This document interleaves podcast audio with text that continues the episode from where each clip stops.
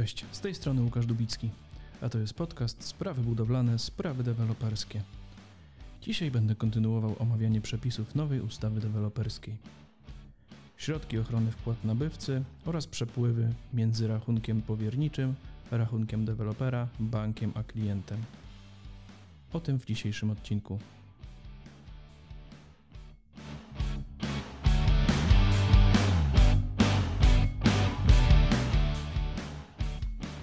Środki ochrony wpłat nabywcy. Ta kwestia uległa zmianie w nowej ustawie deweloperskiej. Od 1 lipca ustawa przewidywała będzie dwa środki ochrony wpłat nabywcy, które deweloper będzie musiał stosować, żeby należycie zadbać o bezpieczeństwo pieniędzy wpłaconych przez klientów. Będą to otwarty mieszkaniowy rachunek powierniczy i zamknięty mieszkaniowy rachunek powierniczy. Oba z obowiązkiem dokonywania terminowych jak podkreśla ustawa, wpłat składek na deweloperski fundusz gwarancyjny. Deweloper będzie zobowiązany płacić taką składkę od każdej wpłaty dokonanej przez nabywcę. W zależności od tego, czy wybierzemy otwarty mieszkaniowy rachunek powierniczy, czy zamknięty, wysokość składki jest zróżnicowana. Wyższa składka będzie obowiązywała w przypadku otwartego rachunku powierniczego, natomiast niższa w przypadku zamkniętego rachunku powierniczego. Wysokość składki będzie uszczegóławiało rozporządzenie właściwego ministra. Obecnie Ministerstwo Rozwoju i Technologii, bo to ono jest właściwe, proponuje w e, projekcie rozporządzenia, by składkę na deweloperski fundusz gwarancyjny ustalić w wysokości 0,45% w przypadku otwartych rachunków, zaś w wysokości 0,1% w przypadku rachunków zamkniętych. Na marginesie można dodać, że w sprawie tej propozycji wypowiedział się też UOKiK, który powiedział, że ta projektowana wysokość składek jest e, niewystarczająca zdaniem regulatora, e, że jest to za niski poziom i mm, jakby nie uwzględnia aktualnych ryzyk dla nabywców związanych z zagrożeniem upadłością deweloperów, e, no, a to zagrożenie ma eskalować czy wynikać z obecnej sytuacji gospodarczej i geopolitycznej. Zdaje się, że tak dokładnie brzmiał e, komunikat UOKiK-u w tym zakresie. Czy tak jest w rzeczywistości? Pewnie nie. Deweloperzy, jak sądzę, będą mieli inne zdanie na temat wysokości składek na DFG. Czyli podsumowując, w nowych przepisach mamy dwa rachunki powiernicze, otwarty i zamknięty. Co do każdego jest obowiązek odprowadzania składek na DFG. Wydaje się, że w praktyce zafunkcjonuje tylko otwarty mieszkaniowy rachunek powierniczy, tak jak to było na gruncie dotychczasowych przepisów. Kiedy trzeba otworzyć taki rachunek powierniczy? Zgodnie z nową regulacją, deweloper, który już rozpoczyna sprzedaż, będzie miał obowiązek zawarcia z bankiem takiej umowy, na mocy której otworzy y, rachunek powierniczy, otwarty lub zamknięty. Rachunek będzie prowadzony dla danego przedsięwzięcia deweloperskiego Natomiast jeżeli deweloper z przedsięwzięcia wyodrębni poszczególne zadania inwestycyjne, to umowa rachunku powierniczego będzie zawierana odrębnie dla każdego zadania inwestycyjnego. I teraz do kiedy deweloper będzie musiał posiadać taki rachunek powierniczy? Otóż nowe przepisy wskazują, e, że powierniczy rachunek deweloper będzie musiał posiadać do dnia, w którym nastąpi przeniesienie praw z ostatniej umowy deweloperskiej albo z umowy zobowiązującej w ramach danego przedsięwzięcia lub zadania, czyli do dnia ostatniego aktu notarialnego przenoszącego własność na nabywcę. W związku z rachunkiem powierniczym ustawa też przyznaje pewne uprawnienia kontrolne, może quasi kontrolne, bardziej informacyjne nabywcy i wskazuje, że bank prowadzący taki rachunek ma obowiązek ewidencjonować wpłaty i wypłaty odrębnie dla każdego nabywcy, a na jego żądanie, czyli taki klient będzie mógł zwrócić się do banku i poprosić o szczegółowe informacje dotyczące wpłat i wypłat dokonywanych y, w wykonaniu takiej umowy deweloperskiej lub zobowiązującej, a bank będzie zobowiązany udzielić takiej informacji ze wskazaniem szczegółów operacji, czyli daty, kwoty, wysokości wpłaty i wypłaty. Jak nabywca będzie dokonywał wpłat na mieszkaniowy rachunek powierniczy? Otóż wpłaty będą dokonywane zgodnie z postępem realizacji danego przedsięwzięcia lub zadania, czyli zgodnie z harmonogramem procentowym ustalonym dla danego przedsięwzięcia lub zadania. Jak wskazuje ustawa, wysokość wpłat dokonywanych przez nabywcę ma być uzależniona od faktycznego stopnia realizacji poszczególnych etapów przedsięwzięcia lub zadania określonych w harmonogramie. Czyli nabywca dokonywał będzie wpłaty za dany etap, jeżeli ten etap będzie faktycznie zrealizowany.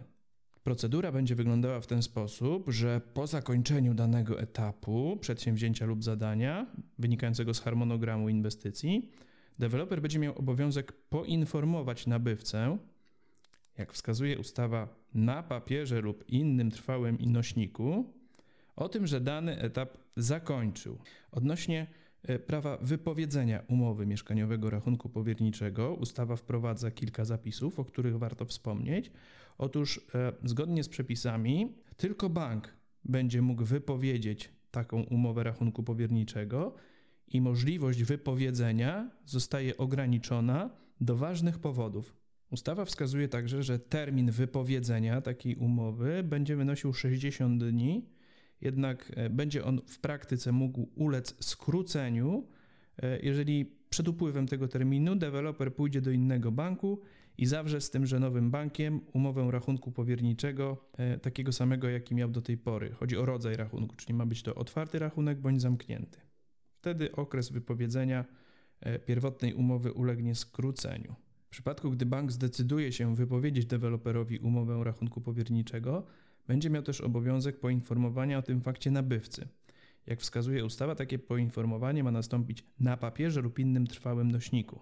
Obowiązek ten bank będzie musiał zrealizować w terminie 10 dni od dnia wypowiedzenia umowy. Jeżeli deweloper dostanie z banku wypowiedzenie umowy rachunku powierniczego, to co będzie musiał zrobić? Otóż będzie musiał niezwłocznie zawrzeć z innym bankiem nową umowę na taki sam rachunek. Tutaj ustawa nakłada na dewelopera obowiązek terminowy, to znaczy będzie musiał to zrobić nie później niż w ciągu 60 dni od dnia wypowiedzenia tej umowy przez bank i przedmiotem zawieranej umowy ma być prowadzenie takiego samego rachunku mieszkaniowego jak dotychczas. Co się stanie z pieniędzmi w przypadku procedury wypowiadania umowy rachunku bankowego, powierniczego? Otóż środki zgromadzone na tym likwidowanym rachunku bank niezwłocznie będzie musiał przekazać do nowego banku, natomiast e, będzie to robił na podstawie oświadczenia, które to deweloper będzie musiał uzyskać ze swojego nowego banku i w tymże oświadczeniu nowy bank będzie musiał potwierdzić, że rachunek, na którym mają być przetransferowane środki dotychczas zgromadzone na poprzednim rachunku powierniczym, jest właśnie mieszkaniowym rachunkiem powierniczym w rozumieniu ustawy. Czyli deweloper zakładając nowy rachunek powierniczy musi w banku uzyskać takie zaświadczenie, przedstawić je w starym banku i wtedy stary bank niezwłocznie transferuje kasę na nowy rachunek powierniczy. Co się stanie, jeżeli deweloper z jakichś powodów nie przedstawi tego oświadczenia banku, o którym mówiłem wcześniej? Jeżeli nie zrobi tego w terminie 60 dni od dnia wypowiedzenia umowy rachunku powierniczego, tego pierwotnego, to bank co zrobi? Niezwłocznie zwróci nabywcom środki znajdujące się na tym rachunku. Taka sankcja wydaje się bardzo dolegliwa, natomiast z drugiej strony termin 60 dni w realiach deweloperskich wydaje się dosyć długi, więc trzeba będzie po prostu sprawnie dokonywać zmian w zakresie tych rachunków bankowych, żeby nie narazić się na e, ryzyko, że pieniądze zostaną zwrócone nabywcom. Warto zwrócić uwagę na jeszcze jeden przepis, który w pewnym zakresie ogranicza swobodę kontraktowania między bankiem a deweloperem.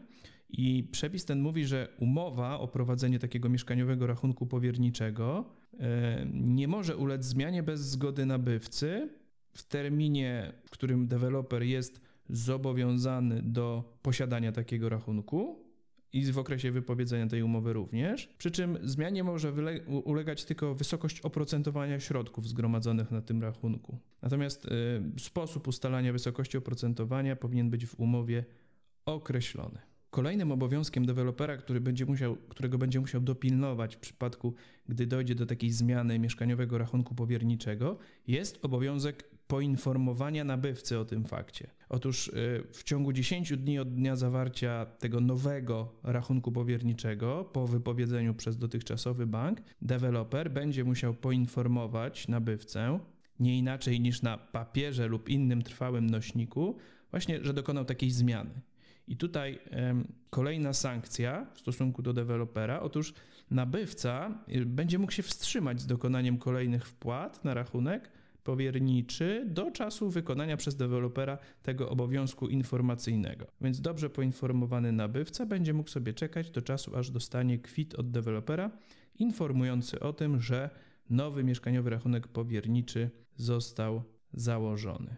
Deweloper będzie musiał również śledzić komunikaty dotyczące kondycji banku, w którym posiada rachunek powierniczy, ponieważ ustawa nakazuje, żeby w terminie 30 dni od dnia, kiedy zostanie przeprowadzona taka procedura podania do publicznej wiadomości informacji o spełnieniu warunku gwarancji w rozumieniu ustawy o Bankowym Funduszu Gwarancyjnym. Chodzi o to, że tutaj y, pojawią się informacje o tym, że generalnie ten bank, w którym mamy rachunek, bankrutuje, upada albo jest w złej sytuacji finansowej i spełnił się warunek, że Bankowy Fundusz Gwarancyjny będzie e, wypłacał czy gwarantował e, pieniądze zgromadzone w tym banku, to w takiej sytuacji, gdy e, takie ogłoszenie się pojawi, to deweloper w ciągu 30 dni będzie musiał założyć sobie nowy rachunek powierniczy dla przedsięwzięcia lub dla zadania z innym bankiem czyli w innym banku będzie musiał zawrzeć umowę. I tutaj również podobna regulacja jak wcześniej, że w ciągu 10 dni od zawarcia nowego rachunku w innym banku deweloper będzie musiał na papierze lub innym trwałym środku poinformować nabywcę o dokonanej zmianie i będzie musiał przekazać nabywcy takie oświadczenie banku, że nowy rachunek jest rachunkiem powierniczym w rozumieniu ustawy deweloperskiej.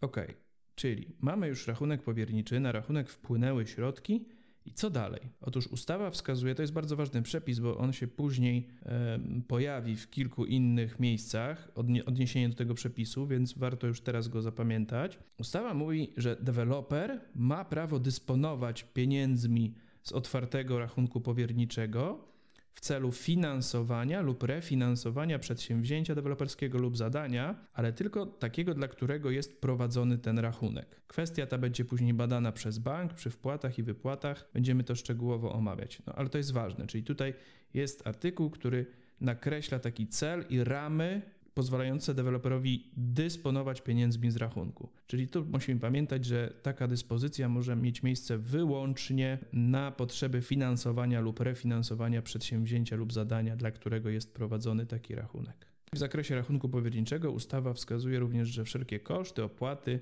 prowizje za prowadzenie takiego rachunku obciążają, uwaga, kogo? Otóż dewelopera.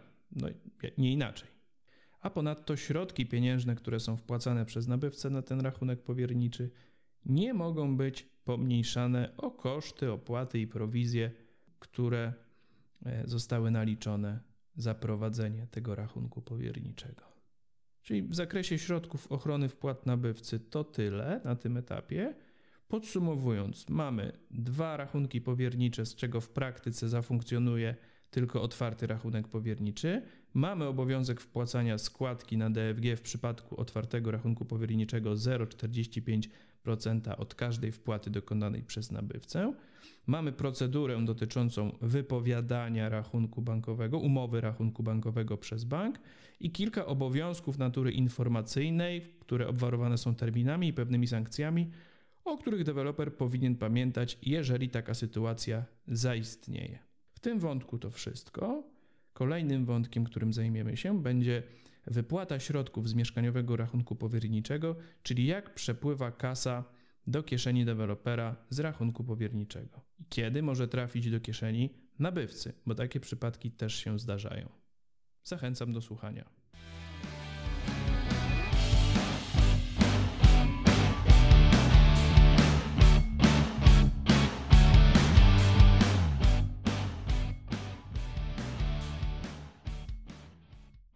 Jak bank będzie wypłacał pieniądze z rachunku powierniczego deweloperowi?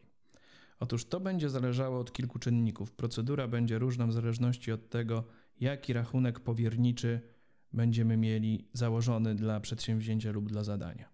No w przypadku zamkniętych rachunków powierniczych sprawa jest dosyć prosta, ponieważ bank będzie wypłacał pieniądze, które są na zamkniętym rachunku, jak otrzyma akt notarialny umowy przenoszącej własność, czy to zawartej w wykonaniu umowy deweloperskiej, czy innej umowy zobowiązującej. Dopiero wtedy pieniądze są zwalniane na rzecz dewelopera. Natomiast regulacja ta pewnie w praktyce mocno nie zafunkcjonuje.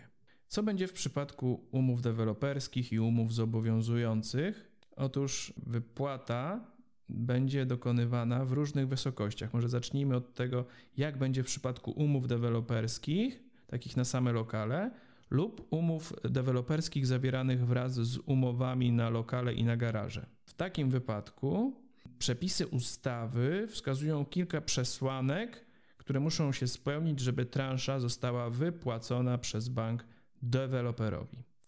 Otóż po pierwsze, jest rama czasowa. Ustawa wskazuje, że bank wypłaci deweloperowi pieniądze nie wcześniej niż po 30 dniach od dnia zawarcia umowy deweloperskiej. Po drugie, żeby te pieniądze były wypłacone, bank będzie musiał stwierdzić zakończenie danego etapu realizacji. I po trzecie, kwota, jaka zostanie wypłacona, no to będzie procentowo wartość procentowa określona za dany etap w harmonogramie razy cena lokalu lub cena lokalu i garażu.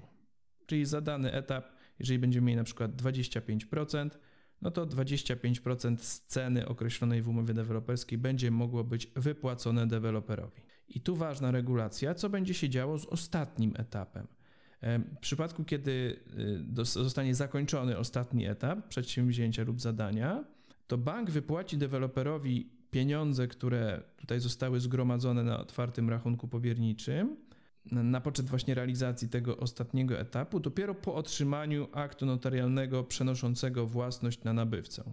Teraz jak będzie wyglądała procedura wypłaty w przypadku umów zobowiązujących, czyli to będą inne niż umowa deweloperska, umowy zobowiązujące, czyli pozbawione tego zobowiązania dewelopera do wybudowania budynku, a zatem e, z siłą rzeczy te umowy powinny być zawierane, jak już budynek będzie wybudowany, ponieważ one będą zawierały zobowiązanie dewelopera do wyodrębnienia lokalu i jego sprzedaży lub wyłącznie do przeniesienia własności lokalu, jeżeli lokal będzie już wyodrębniony.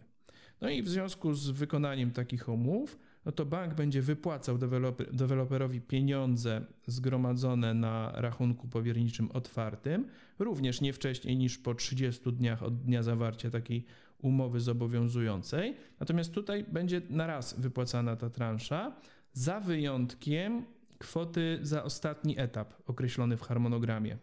I kwota za ostatni etap razy cena będzie zatrzymywana przez bank do czasu zawarcia umowy przenoszącej własność i dopiero w przypadku, kiedy deweloper pokaże bankowi umowę przenoszącą własność, to dostanie pieniądze e, należne zgodnie z harmonogramem za ostatni etap. Przed tym, jak bank wypłaci pieniądze deweloperowi, będzie musiał przeprowadzić pewną procedurę kontroli. Będzie musiał zweryfikować kilka, kilkanaście w sumie kwestii wymienionych w ustawie i sprawdzić, czy można deweloperowi wypłacić pieniądze no, będzie również sytuacja, w której bank będzie mógł stwierdzić, że takich pieniędzy wypłacić nie można. Zaraz szczegółowo to omówimy.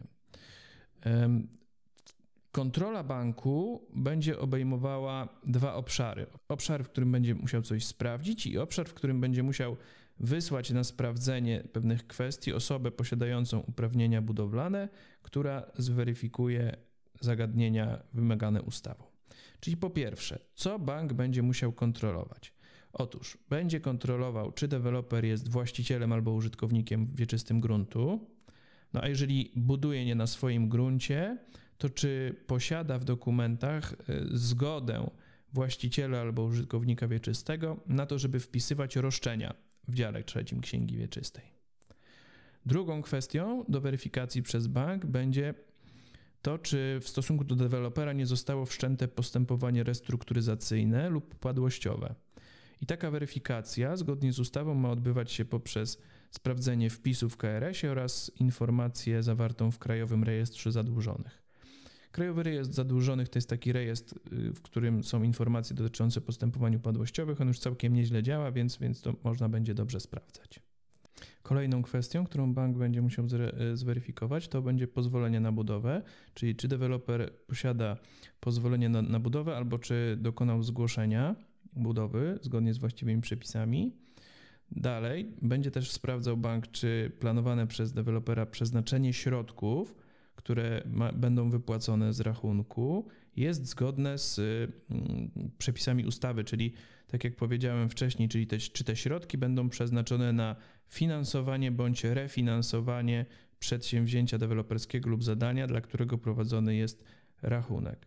Bank będzie sprawdzał także, czy dotychczasowe wydatkowanie środków wypłaconych już z otwartego rachunku e, jest zgodne z tym sposobem wydatkowania polegającym na tym, że można tylko finansować albo refinansować przedsięwzięcie bądź zadanie, dla którego prowadzony jest rachunek. Co więcej, bank sprawdzi, czy deweloper nie zalega z podatkami i składkami na ubezpieczenie społeczne i zdrowotne oraz czy deweloper uregulował, jak to ustawa wskazuje, bezsporne zobowiązania pieniężne wobec wykonawców lub podwykonawców, no i do tego wymagalne. W mojej ocenie ten punkt jest y, dosyć kontrowersyjny, ponieważ znając realia budowy i zatargi, czy niejasne sytuacje czasami między podwykonawcami, wykonawcami, tutaj rozgrywki swoich interesów, które te podmioty reprezentują, bywają różne więc ta kwestia mm, do oceny może nie być łatwa przez bank. No ale cóż, tu ustawodawca ambitne zadanie postawił bankowi. Następnie deweloper będzie musiał dokonać wpłat składek na, na deweloperski fundusz gwarancyjny i to będzie weryfikowane, czy on dokonywał tych składek, czy dokonywał wpłat tych składek i to w należnej wysokości wymaganej ustawą. Dalej bank będzie sprawdzał, czy deweloper nie zalega y, w stosunku do nabywców, ze zobowiązaniami związanymi tutaj z rozliczeniami, jeżeli ci nabywcy odstępowali od umów na podstawie przepisów ustawy. E, dalej, deweloper będzie musiał przed takim bankiem wykazać, że nie zalega wobec deweloperskiego funduszu gwarancyjnego ze zobowiązaniami takimi o charakterze regresowym. Chodzi o to, że czy rozliczył się z DFG w przypadku, kiedy ten fundusz dokonał zwrotu wpłat nabywcy w sytuacjach wynikających z ustawy. W tym zakresie szczegółowo opowiemy w odcinku mówiącym o deweloperskim funduszu gwarancyjnym. Tutaj nie będę już przechodził do tego wątku. I teraz y, ta, jedno ułatwienie dla deweloperów, dosyć istotne, ponieważ niektóre zagadnienia z tej listy będą weryfikowane przez bank w oparciu o oświadczenie dewelopera. Oświadczenie takie deweloper będzie składał w zakresie planowanego przeznaczenia środków, e, będzie składał oświadczenie o niezaleganiu z podatkami, składkami na ZUS, o uregulowaniu, o rozliczeniu się z tymi uczestnikami procesu inwestycyjnego, z podwykonawcami, z wykonawcami, Także będzie składał oświadczenie, że nie zalega wobec DFG z tymi roszczeniami o zwrot pieniędzy w przypadku, gdy DFG dokonał jakiejś wypłaty oraz, że nie zalega w stosunku do nabywców z pieniędzmi, e, które należałyby się im po odstąpieniu od umów. Drugą kategorią danych, które będą weryfikowane przez bank, to będą takie dane budowlane. Tutaj kontrola banku będzie obejmowała ustalenie e, przy pomocy e, osoby, która będzie posiadała odpowiednie uprawnienia budowlane, e, czy deweloper zakończył określony w harmonogramie etap realizacji przedsięwzięcia lub zadania. I takie, taka weryfikacja będzie miała katalog otwarty przesłanek, ponieważ ustawa posługuje się sformułowaniem, że ustalenie takie będzie dokonywane w szczególności poprzez sprawdzenie wpisu kierownika budowy w dzienniku budowy, poprzez udokumentowanie faktycznego zaawansowania robót na takim poziomie, który jest wymagany dla kontrolowanego etapu, czy też poprzez weryfikację uzyskania decyzji o pozwoleniu na użytkowanie albo zawiadomienia o zakończeniu budowy, jeżeli dany etap, e, za który pieniądze będą wypłacane, będzie się z tym wiązał. Tak? No więc to będzie taka druga, druga sfera kontroli e, wykonywanej przez bank w związku z wypłatą pieniędzy na rzecz dewelopera. Ta kontrola banku, którą omówiłem wcześniej, w najpełniejszym zakresie będzie dotyczyła wypłat y, dokonywanych y, w związku z umowami deweloperskimi. Natomiast w przypadku umów zobowiązujących y, ustawa wskazuje, że bank przeprowadzi czynności kontrolne, takie jak sprawdzenie właśnie tytułu prawnego dewelopera do nieruchomości, sprawdzenie także, czy wobec dewelopera nie zostało wszczęte postępowanie restrukturyzacyjne albo upadłościowe oraz weryfikację czy y, planowane przez dewelopera przeznaczenie środków z tego rachunku powierniczego jest zgodne z zasadą finansowania bądź refinansowania y, wydatków tylko w ramach przedsięwzięcia bądź zadania, dla którego prowadzony jest rachunek, a także w kwestiach takich jak niezaleganie z podatkami, składkami, uregulowanie bezspornych i wymagalnych y, należności na rzecz uczestników procesu inwestycyjnego, e, składek na deweloperski fundusz gwarancyjny, a także rozliczeń z deweloperskim funduszem gwarancyjnym i z rozliczeń z nabywcami, którzy w przypadkach wskazanych w ustawie odstępowali od umowy. W przypadku tych umów zobowiązujących bank będzie musiał przeprowadzić także tą weryfikację budowlaną, czyli sprawdzić, czy rzeczywiście e, dany etap został zrealizowany. Będzie to robił człowiek z odpowiednimi uprawnieniami budowlanymi. Dodatkowo ustawa wskazuje, że w przypadku umów zobowiązujących, znaczy wypłat dokonywanych y, w związku z wykonywaniem umów zobowiązujących, bank będzie weryfikował także posiadanie przez dewelopera decyzji o pozwoleniu na użytkowanie, zaświadczenia o samodzielności lokalu w przypadku, gdy y, przedmiotem takiej umowy zobowiązującej będzie już lokal wyodrębniony. I teraz co się stanie w przypadku, kiedy coś się nie uda? Ustawa przewiduje trzy sytuacje, w której bank będzie miał obowiązek wstrzymać wypłatę środków pieniężnych zarówno z umów deweloperskich, jak i z umów zobowiązaniowych na rzecz dewelopera i wyznaczyć deweloperowi odpowiedni termin na usunięcie nieprawidłowości. Jakie to będą sytuacje? Po pierwsze, będzie to negatywna ocena jednego z elementów, które omówiliśmy wcześniej, czyli po pierwsze, jeżeli y, bank zweryfikuje, że deweloper nie ma tytułu prawnego do nieruchomości albo posiada, nie posiada pozwolenia na budowę lub właściwego zgłoszenia, albo że planowane przez dewelopera przeznaczenie środków jest niewłaściwe, niezgodne z ustawą, czy też y, bank stwierdzi, że wydatkowanie środków, które już zostały wypłacone y, z rachunku powierniczego, jest niezgodne ze sposobem wydatkowania wymaganym ustawą, a także w przypadku, gdy deweloper y, nie dokonał wpłat składek należnych na DFG, jak również gdy okaże się, że ta weryfikacja budowlana y, będzie negatywna, to znaczy y, poprzez weryfikację wpisu kierownika budowy w dzienniku, poprzez udokumentowanie faktycznego zaawansowania robót, okaże się, że ten etap jakoś nie jest zrealizowany, tak? Więc tutaj, jeżeli nastąpi negatywna ocena jednego z tych elementów, to bank ma obowiązek wstrzymać wypłatę i wezwać dewelopera do naprawienia nieprawidłowości. I to jest obowiązek kategoryczny, ponieważ ustawa mówi wprost, bank wstrzymuje wypłatę środków. Nie ma tutaj miejsca na e, kwestię ocenną w zakresie tej sankcji, po prostu bank musi to wstrzymać, poprosić dewelopera, żeby naprawił błędy. Drugim przypadkiem, w którym bank wstrzyma e, wypłatę środków, będzie brak oświadczeń dewelopera, na podstawie których wykonywane są przez bank te czynności kontrolne, czyli w zakresie, w obszarach, w których kontrola opiera się na oświadczeniach dewelopera. Jeżeli będzie brak, brak takich oświadczeń, no to bank wstrzyma pieniądze. No i trzecia sytuacja to będzie wszczęcie wobec dewelopera postępowania restrukturyzacyjnego albo upadłościowego. Jeżeli zostanie wszczęte takie postępowanie, to bank wstrzyma wypłatę. Ustawa wskazuje także, że bank wypłaci środki pieniężne z umów, z umów deweloperskich lub z umów zobowiązujących wyłącznie po tym, jak zostanie usunięta nieprawidłowość, która była podstawą do wstrzymania takiej płatności przez bank. Warto zwrócić uwagę na jeszcze jedną regulację.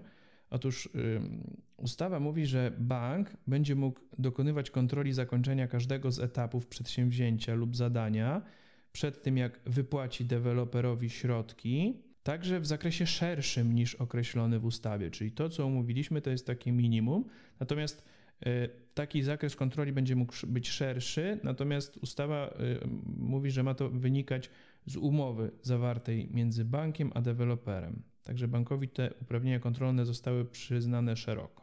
Co się stanie z pieniędzmi na rachunku powierniczym, jeżeli dojdzie do odstąpienia od umowy na podstawie przepisów ustawy deweloperskiej albo przez dewelopera, albo przez nabywcę? Tutaj ustawa wymienia kilkanaście w sumie łącznie podstaw do odstąpienia od umowy. Zatem w tym miejscu nie będziemy ich szczegółowo omawiać. O odstąpieniu od umowy, o skutkach odstąpienia, podstawach i tym, co się dzieje w przypadku odstąpienia, będziemy robić osobny odcinek. Kwestia warta głębszej analizy. Natomiast y, w sytuacji, kiedy już zostanie złożone takie oświadczenie o odstąpieniu od umowy przez klienta bądź przez dewelopera, no to przepis ustawy mówi, że bank ma obowiązek wypłacić nabywcy przypadające mu środki, które pozostały na mieszkaniowym rachunku powierniczym, że wypłata taka nastąpi w nominalnej wysokości i że nastąpi ona, uwaga, niezwłocznie po otrzymaniu oświadczenia o odstąpieniu od jednej z tych umów przez bank. Pod pojęciem tych umów y, rozumiemy umowę deweloperską lub umowę zobowiązującą. No i teraz pojawia się pytanie, krótka dygresja tylko w tym miejscu. Co to znaczy po otrzymaniu oświadczenia o odstąpieniu od jednej z tych umów? Czy bank będzie weryfikował podstawy do odstąpienia? Czy bank będzie weryfikował na przykład, czy takie oświadczenie zostało złożone prawidłowo pod względem formalnym, czy jest skuteczne, czy w ogóle jest oświadczeniem o odstąpieniu, czy spełnia warunki prawne do tego, żeby wywołać skutek odstąpienia. No, ciekawe, czy po prostu bank będzie oddawał pieniądze nabywcy, jeżeli nabywca złoży choćby nieskuteczne oświadczenie o odstąpieniu. Ta kwestia nie jest głębiej wyjaśniona w ustawie. Pokaże to praktyka. Wspomnieć należy też, że przepis o tym, że bank będzie musiał zwracać pieniądze nabywcy, będzie miał zastosowanie także w przypadku, gdy odstąpi od umowy deweloperskiej syndyk na podstawie przepisów prawa upadłościowego.